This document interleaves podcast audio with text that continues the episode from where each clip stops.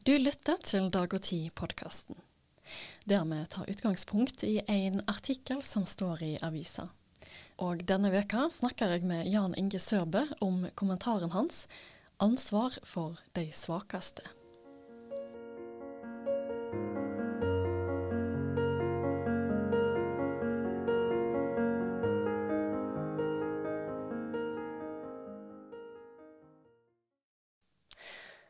Velkommen, Jan Inge Sørbø.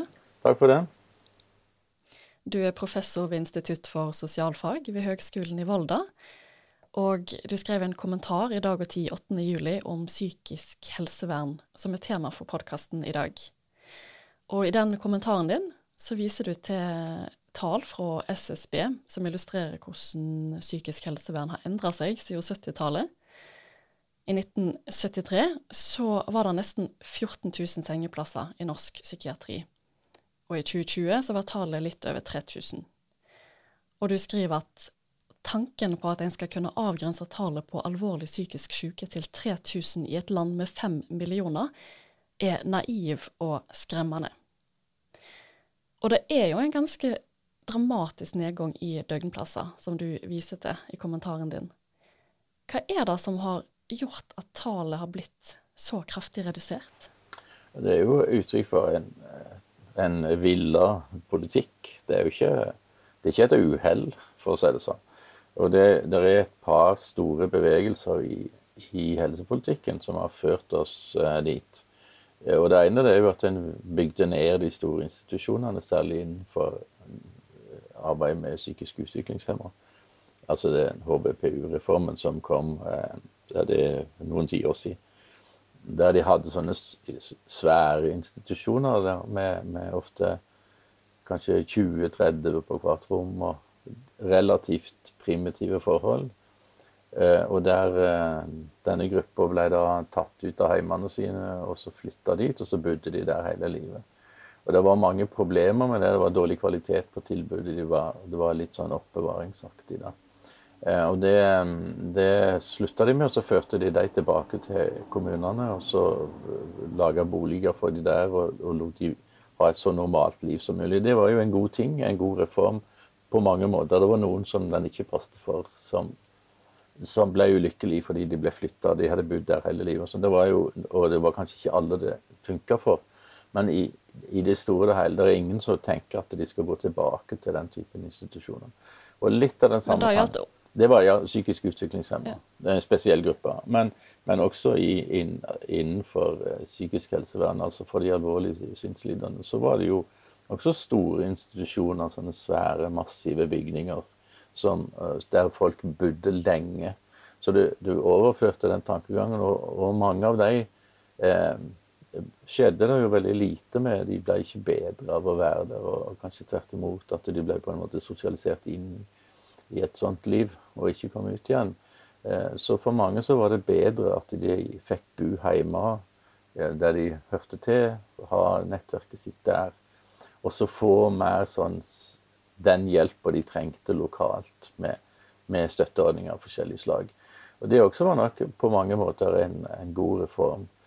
Altså det er jo eh, Det er jo ikke sånn at dette skyldes eh, at de vil denne gruppa vondt, eller sånn, men de, i, i, utgangspunktet så ligger det noen store helsepolitiske føringer bak eh, som var, hadde mye bra, og som var rette på, for mange, men ikke for alle.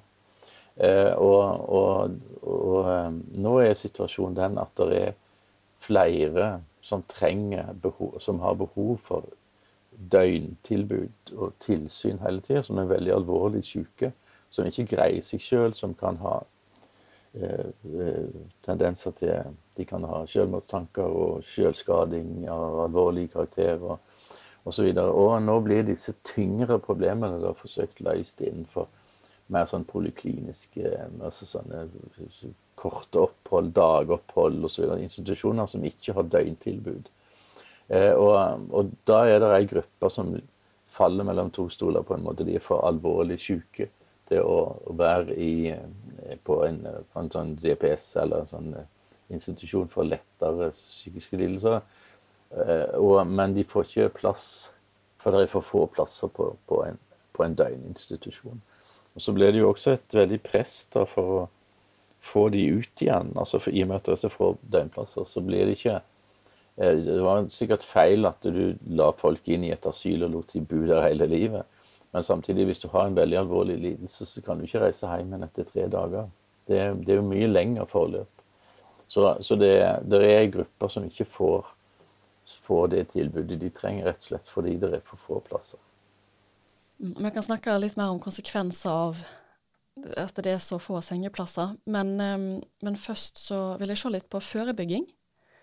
For da er du inne med i kommentaren din at det har blitt eh, satt av mye mer ressurser til å forebygge psykiske lidelser, psykisk sykdom. Ja, jo, Hvis en ser på disse tallene som vi har diskutert nå fra 13 000 til 3000, eller 13.008, eller, eller hvor mye det var, altså en reduksjon på ca. 10 000 plasser, så kunne jeg jo tenke at det, når, i Norge har en slutta helt å bry seg om psykisk sykdom eller psykiske lidelser. At det er noe som vi ikke bryr seg om i norske helsevesen. Men det er jo helt feil. For det har jo vært flere og langvarige satsinger på nettopp psykisk helse. Og de ressursene er jo blitt brukt til å bygge opp eh, et apparat for, eh, som skal fange opp og kartlegge og oppdage lidelser på et tidlig tidspunkt, sånn at de ikke skal utvikle seg til å bli veldig alvorlige. Så der er det en tanke om at eh, såkalt tidlig intervensjon, altså at du oppdager ting og griper inn veldig tidlig, det kan avverge mye alvorligere forløp. Det er også en riktig tanke. Men det er også en tanke som ikke, som ikke gjelder helt ut, så å si. Fordi at eh, eh, hvis, du, hvis, du, liksom lager matematikk av dette her og forenkler det Hvis matematikk er enkelt, så Eh, så vil du kunne si at ok, hvis vi bare har forebyggingssystemet er godt nok Og da begynner de jo ikke sant, de begynner jo å kartlegge i barnehagen. Er det, noe med, er det noen barn som trenger ekstra hjelp her, osv. Og, og det er jo veldig positivt at hvis det er noen som, som sliter med å snakke eller, eller relatere til andre, eller sånt, så får de litt spesiell oppmerksomhet. Det er jo fint. Eh, men så kan det jo også bli sånn at Eh, du tenker at hvis det bare begynner tidlig nok og omfattende nok, så vil du fange opp all lidelse. Så da vil det, vil det, da vil det ikke utvikle seg alvorlig sykdom. Det er det jeg sier er naivt eh, å tro. Eh, for det, det, vil alltid være psykisk sykdom av den mest alvorlige karakteren i en befolkning. Og det er jo mange Det, kan, det er klart at eh, hvis du, hvis du, vokser opp i Syria f.eks. de siste ti år, så er det jo helt sikkert mye mer psykiske lidelser der enn det er i Norge. Eh, fordi at de har levd i en helt ekstrem krigssituasjon de siste ti. Eh, sånn at det er klart at et godt samfunn vil produsere mindre alvorlig syk, psykisk lidelse. Men sjøl det aller beste samfunn vil fremdeles produsere psykisk lidelse. Eller det vil oppstå psykisk lidelse av alvorlig karakter der også. Så det er det jeg sier, at du kan ikke bruke alle ressursene. Du kan ikke flytte alle ressursene over på forebygging og si at da har vi løst problemet. Det problemet med den alvorlig syke gruppa. Det forblir et stort problem. Mm. Det er ikke all psykisk eh, sykdom som kan forebygges? Nei, det tror jeg ikke. Men jeg beit meg fast i noe du òg skrev i kommentaren din, at denne her satsinga på forebygging det har ført til at en har fått gjennomslag for diagnostisk språkbruk. Kan du forklare litt hva du mener med det? Det er en tendens i, i, i vår tid som henger sammen med satsing på psykisk helsearbeid, for så vidt, til at en forklarer flere og flere ting med, i et diagnostisk språk. Og, og det av flere sider. Ene, den ene sida av det er jo at en faktisk kanskje kan komme på sporet av at noen trenger hjelp altså den gode sida av det. Eh, men den andre sida av det er jo at helt sånn vanlige hverdagsproblemer blir eh, omtalt på, eh, på en måte som impliserer at det er sykdom. Altså, så at du har en kjæreste, så, sier, så, så, gir han deg sparken på en ubehagelig måte. Og da blir du veldig lei deg og, og trist. Og det er jo en naturlig reaksjon, og du, du vil da trenge litt ekstra eh, varme og omsorg for vennekretsen din og familien din osv. i en periode. Eh, og selvfølgelig kan en sånn situasjon utvikle seg videre til, til en, en, en, tung depresjon som du trenger hjelp for. Men, men, det å bli lei seg, det å oppleve sorg, det å, å, å, å bli sint når en blir trakka på osv., det, er det er jo normale fenomener. Sånn at eh, Det som er farlig med dette diagnostiske språket, det er at, at en begynner å omtale naturlige reaksjoner som, som sykelighet. Eh, og, det, og da blir det normale veldig smalt. Så det normale blir egentlig å smile og være glad og se ut som en programleder i P3 hele døgnet. Liksom. Og det er jo ikke riktig. Altså, den normaliteten innebærer tristhet, sorg, eh, bekymring for morgendagen. Eh, frykt for onde mennesker som vil gi vondt osv. Det, er, innenfor normalitetsfeltet alt sammen. Og, og, og, spørsmålet er hva skjer hvis du tar sånne normalreaksjoner og behandler de som sykdom? Jo, da kan du fort komme inn at du må medisinere mot det. Og du må justere følelseslivet ditt med medikamenter osv. Og så begynner du med det, så får du bivirkninger, så må du ha mer medikamenter for å bekjempe bivirkninger osv hvis du, hvis du, omtaler normale reaksjoner som, uh, som, sykelighet, så går du inn i noe som, som du ikke burde gå inn i. Altså du, uh, du går inn i et sykdomsfelt uh, som egentlig ikke passer på det som du opplever, fordi du opplever helt normale reaksjoner.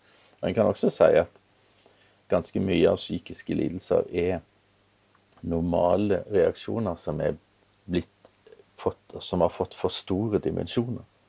Det er utgangspunktet Altså, Det er veldig farlig å tenke på at det er to slags mennesker. Det er de psykisk syke, som er gale og farlige. Og så er det de normale, som er greie og snille og liksom medgjørlige. Eh, og det er jo hel, Begge deler er like feil. Altså at det, som, det som skjer i psykisk sykdom, er at du opplever smerte eh, som er så store at du ikke kan håndtere den, og så begynner reaksjonene på det å gå ut av proporsjoner. Og da kan naturlig reaksjon med fryktreaksjon osv. Det kan utvikle seg til paranoia der du tror at alle vil deg vondt. Eh, og sorg eh, over tap eller, eller fortredeligheter som du opplever. Det, får u, unormalt store dimensjoner, sånn at du får en, en, en psykisk eh, Altså en depresjon som er, som er, helsefarlig, rett og slett. Så det, det er på en måte normaliteten som er forstyrra opp på et vis. Men, men, de som opplever disse tingene, de, de, har, de er ikke gått ut av menneskeheten på en måte. De er ikke gått ut av normaliteten heller, på sett og vis. De bare har fått noen forstyrrelser i dette. Det syns jeg er veldig viktig å få det fram, egentlig. Og hvis du bruker, hvis du, hvis du bruker diagnostisk språk på alt, Eh, så, så det, sitter du igjen med et veldig smalt bilde av normaliteten som en tilstand der alle er glad fornøyd. Og, og, eh, og at de, ikke, altså de greier å håndtere alt osv. Så sånn. Men sånn er jo ikke menneskelivet. Så det diagnostiske språket det sykeliggjør de delene av normaliteten som vi ikke liker. Og det er en eh, farlig ting. Så dette er skyggesida av, eh, av forebygging? Ja, det, å, det er skyggesida av det å, å, snakke mer om psykisk helse, som i og for seg er en god ting. Eh, Sant. Ja. Det er vanskelig dette, for det er jo viktig å snakke om Ja, det er jo sånne balanser mm. hele tida. Ja. Og da kan vi gå litt over på det som du nevnte tidligere i samtalen. Konsekvenser av at det er blitt så få døgnplasser. For det er de mest alvorlig syke som eh, har fått minst ressurser etter at uh, det ble større fokus på forebygging, sånn som jeg har forstått det iallfall. Ja da, ja. Og hva konsekvenser får det av at mange ikke får den behandlingen de trenger, at de kanskje ikke får bli der så lenge som de hadde hatt behov for, eller at de må stå og vente lenge på å komme inn eh, og få behandling? Nå er jo jeg eh, ikke Jeg arbeider jo ikke selv i feltet, sånn at jeg må liksom Jeg har ikke noen spesialistkunnskaper med men det med det, der dette blir mest synlig, er jo når du får sånne voldsepisoder som, som har hatt med denne skyteepisoden nå i, på Pride. og eh, det, det, har vært flere sånne episoder der folk begynner å drepe andre. Eh, av og til med noen ideologiske føringer, ser det ut, for andre ganger helt uten, uten spesielle begrunnelser eller ideologier bak. men bare ut, ut fra en eller annen form for desperasjon. Og, og, det er jo ganske mange saker, hvis en går gjennom alle voldsepisodene, litt sånn alvorlige voldsepisoder, så vil en finne ganske mange som har eh, erfaring fra Altså som har vært i kontakt med, med psykisk helsevern i løpet av prosessen. Og, eh, og, det er jo alltid en diskusjon om hvorfor får de lov til å gå ut blant folk hvis de er farlige og sånn. Og det er jo en på en måte en litt skummel diskusjon, fordi det skaper et bilde av at folk med psykiske lidelser er farlige. Og det er de 99,9 så er de jo ikke farlige. De er, de er tvert imot eh, sky og trekker seg tilbake og, og, vil ikke komme inn i konflikter. Men det er noen, som, noen ytterst få da, som, som, blir farlige. Og, og, og, da kan det jo gå veldig galt. Så da blir det synlig liksom, for hele verden at eh, her skulle det vært et sterkere eh, psykisk helsevern. Og så har du en fast, den tendensen til at ting blir diagnostisert, den ser du jo også i helsevesenet, sånn at, nei, i rettsvesenet. Sånn at i, i, alle alvorlige hendelser så blir jo det med tilregnelighet i gjerningsøyeblikket vil være en faktor. Eh, og um, det tror jeg har økt også, selv om den problemstillingen har vært til stede mange ganger. Eh, så, så da, da sender på en, da går, da går liksom Da går en, en forbindelse mellom rettsvesenet, som også sender mange inn, dømmer de til tvunget eh, psykisk helsevern. Og, da, og det også er jo av de der 3000 plassene. ikke sant? Så det, de, de, må jo de overtar på sett og vis en del av rettspleien. Uh, og, så det er jo Det der er veldig sånn Konsekvensene er store, og vi ser de konsekvensene primært når det er voldsepisoder. Men alle de som ikke gjør noe gale, holdt på å si noe farlig, de, de, kan jo oppleve at de ikke får hjelp, sånn at de, de blir sendt fram og tilbake og fram og tilbake. Det er jo et problem med, med den moderne eh, måten eh, spesialhelsetjenesten eller spesialisthelsetjenesten arbeider på. At de skal ha pasientene inne så kort som mulig. For det de kan, det er f.eks. operere. Når de er ferdig med å operere, så sender de de direkte til kommunene veldig fort. Og, og den modellen passer veldig dårlig på, på, alvorlige psykiske problemer. fordi at hvis du har en virkelig stor psykisk krise, så er det ikke sånn som med en blindtarmbetennelse at du kan liksom gå inn på sykehuset og operere det vekk, og så, og så er du god igjen om noen dager. Eh, dette er jo noe som alltid vil ta lang behandling, og da må du Og, og, det med stabilitet eh, og gjenkjennelige personer. Altså, det er jo ofte relasjonsskader, dette her. Folk som har vanskelig for å knytte seg til andre. Og Hvis de da skal skifte institusjon, så blir de sendt ut etter kort tid. Så kommer de på en annen institusjon som ikke har døgntilbud, men dagtilbud. Og så skifter det personal, og så blir, så blir, de dårlige, så blir de sendt tilbake. Og så er det noen andre folk der. ikke sant? Så nå må du ta opp igjen hele relasjonsarbeidet hele tida. Det er jo veldig, veldig lite helbredende. Så de har de har jo behov for, for eh, litt langsiktighet og, og, oversiktlighet over situasjonen i sånne alvorlige kriser. Eh, og det jo, vil jo bli mindre og mindre av hvis en ikke har døgnplasser. Mm. Jo, nå skal jo alle konkurrere om de ressursene som er tilgjengelige. Og det må jo inn flere ressurser her hvis du skal ha flere døgnplasser. Hvor skal vi, hvor skal vi kutte? Ja, det er jo det, det, det, er jo det evigvarende problemet. Og, og, det må en på en måte kanskje ta mer fram i dagen. Altså at eh, ja, Jeg vil jo si at en kan kutte en del i, i ja, de ressursene som blir, folk, eh, som blir brukt på folk som er friske. Eh, og som blir brukt for at de skal holde seg friske, eller sjekke at de er friske. Eh, for, eh, som er en ganske sånn stor del av helsevesenet i dag. Vi tror at hvis du spør en lege hvor, hvor mange syke har du hatt inne i dag, så, så vil jo si det er ganske få. Det er, det er folk som følger med og som sjekker, og det bør de jo gjøre, selvfølgelig. Men, men det, jeg tror det går an å spare litt i den enden. Og jeg, jeg, tenker da at du må tenke litt mindre på disse store helsepolitiske føringene. Og så må du tenke på de konkrete pasientene som, lever uten å ha, se noe liksom, håp om å få plasser der de kan bli bra igjen. Eh, ja. Det er jo, det er vanskelige ting. Eh, alvorlige psykiske lidelser er veldig vanskelig å behandle. Eh, så ikke, vi kan ikke ha noen sånne forhåpninger om at det er noe quick fix her. altså Det er helt, helt urealistisk. Og Da må du ha plasser der de kan være trygge og, og få et så godt liv som det er mulig. Har vi mista litt den eh, på en måte innblikket i hvor alvorlig psykisk syke noen kan være?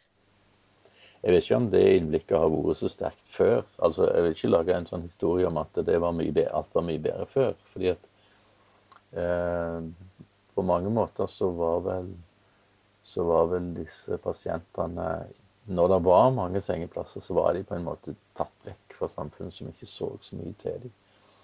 Eh, um, så, men eh, det er noe som en stadig må påminnes om, tror jeg, hvor, hvor alvorlig sykdom dette faktisk er. Og den er jo også livsfarlig fordi det er både fordi de sliter på kroppen, men også fordi det er mye selvmordsproblematikker inne i dette feltet. Så, så eh, en må ha blikk for det. Og, og der er jo min jeg, som eh, I og med at jeg har bakgrunn som litteraturviter, så har jeg jo lest mye, mange tekster om psykiske lidelser. Og det er jo det er jo en eh, eh, Der ligger det noen viktige innsikter. Ikke, ikke, på den måten at du kan lese en roman og bli frisk, eller, eller finne en oppskrift i et uh, lyrisk dikt på hvordan du skal bli frisk.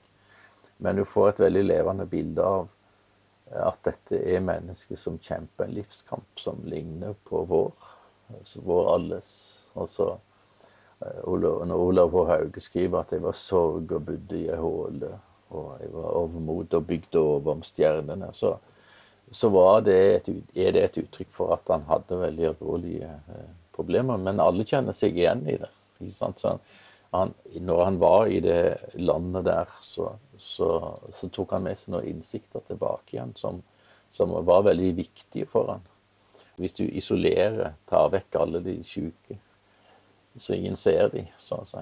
Eh, og mister kontakt med dem, så sier du at disse folka har ingen verdi, de har ingen innsikter, de kan ingenting osv. Og, og det er jo så fullstendig feil, fordi det er jo noen av de klokeste og mest eh, kreative menneskene du finner i denne kategorien, som, som eh, eh, kan komme tilbake med, med veldig dype innsikter om menneskelivet, om nettopp det og hva det vil si å være et menneske også i å være et helt normalt og vanlig menneske. Eh, så, så, det er jo all grunn til å ha respekt for den gruppa. I, I, middelalderen så hadde de jo en, en, teori om at du skulle behandle de sinnslidende eh, som Guds eh, representanter, for du kunne aldri vite. Kanskje var de profeter, kanskje hadde de innsikter som kom fra Gud. Og Derfor skulle du, skulle du ha en, en, respekt for dem. Det er jo en innstilling som vi på en måte savner da, i, i det moderne. for det du, der du rasjonaliserer det, forklarer det på best mulig måte innenfor vanlige rasjonelle kategorier. Det må en jo gjøre i vårt samfunn. Men samtidig så er det noe med den respekten for de liderne som de hadde i middelalderen, som, som jeg savner som en verdi. Eh, og det betydde jo også at eh, f.eks. munker, og det var jo kloster var jo helsevesenet på hadde jo mange av helsevesenets oppgaver i middelalderen. Og de hadde jo veldig respekt for denne gruppa. Så det, det, det, har ikke vi når, vi når vi på en måte tar fra de trygge plasser å bo. Eh, så det, det, er noe å tenke igjennom, liksom, hvordan vi ser på den gruppa. Eh, at de, de Hovedsynspunktet er jo ikke at denne gruppa er farlig, men, men at de har det vanskelig, at de har store lidelser. Men også at de har vært plasser der de har sett ting som andre ikke vet fått greier på ting som andre ikke vet. Så de har en kunnskap som alle trenger, på sett og vis. Eh, så det savner jeg litt sånn, i den diskusjonen vi har om disse tingene. Ja, det er veldig interessant. Vi må dessverre avslutte der. Jan Inge Sørbø, tusen takk for at du var med denne uka. Det var kjekt å få være med. Takk skal du ha. Du lytter til Dag og Tid-podkasten. I studio var jeg, Sofie Mai Rånes.